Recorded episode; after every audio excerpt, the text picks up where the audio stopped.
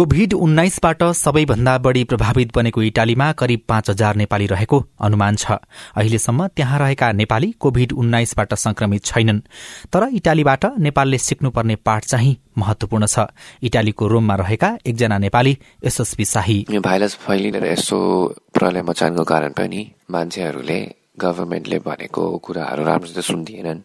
Lockdown सुरु भए पनि बाहिर गइराखे मान्छेहरूसँग भेट भइराख्यो ग्यादरिङहरू गरिराखे पार्क गइराखे त्यही भएर नि संक्रमण बढी फैलियो। इटालीमा हालसम्म उनासाठी हजार भन्दा बढ़ी कोभिड उन्नाइसबाट संक्रमित हुँदा पाँच हजार चार सय छयत्तर जनाको मृत्यु भएको छ सात हजार चौबिस जना उपचारपछि घर फर्किएका छन्। अमेरिकामा पैंतिस हजार भन्दा बढ़ी मानिस संक्रमित हुँदा चार सय अन्ठाउन्न जनाले ज्यान गुमाएका छन्। निको भएर घर फर्किनेको संख्या एक सय अठहत्तर छ।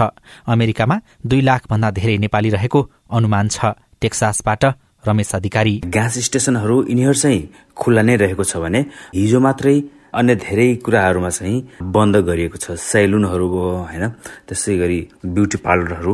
मान्छेहरूको जमघट जहाँ बढी हुन्छ त्यस ठाउँमा चाहिँ बन्द गरिएको छ। यसबाट चाहिँ सबैजना सचेत रहनको लागि बारम्बार अनुरोध गरिएको छ र हामीहरू पनि सचेत रहेका छौँ। स्पेनमा कोभिड उन्नाइसबाट झण्डै तीस हजार बढ़ी संक्रमित छन् अनि अठार सय भन्दा बढ़ीको मृत्यु हुँदा पच्चीस सय भन्दा धेरै मानिस उपचारपछि निको भएका छन्। जर्मनीमा पनि संक्रमित हुनेको संख्या छब्बीस हजार नागेको छ।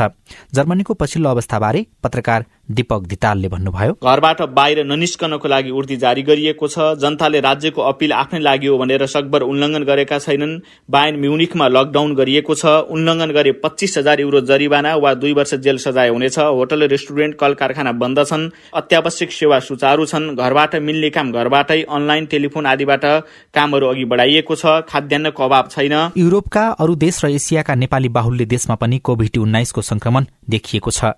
खाड़ी क्षेत्रमा रहेका नेपालीहरू उनीहरू कार्यरत कम्पनी बन्द हुँदा कामविहीन बनेका छन्।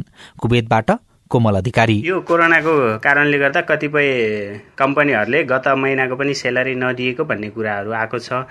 अनि यो महिनाको पनि स्योर छैन। त्यो भएर पनि कतिपय व्यक्तिहरूलाई आर्थिक सङ्कट पनि पर्ने कुराकानीहरू पनि भइरहेका छन्। कोभिड उन्नाइसबाट प्रभावित दक्षिण कोरिया र जापानमा करिब डेढ लाख नेपाली बस्छन्।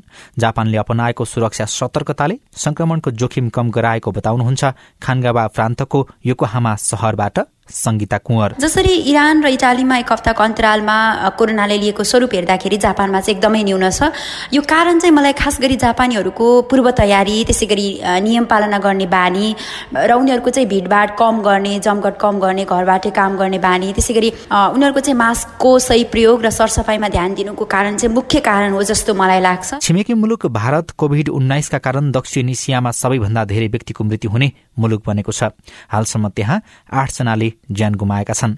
संक्रमण नफैलियोस् भन्नका लागि भारत सरकारले रेल र बस सेवा बन्द गरेको छ।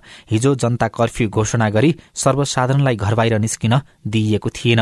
कोभिड उन्नाइससँग लड्न विभिन्न देशले अपनाएका सावधानी नेपाल र नेपालीका लागि महत्वपूर्ण हुनेछ।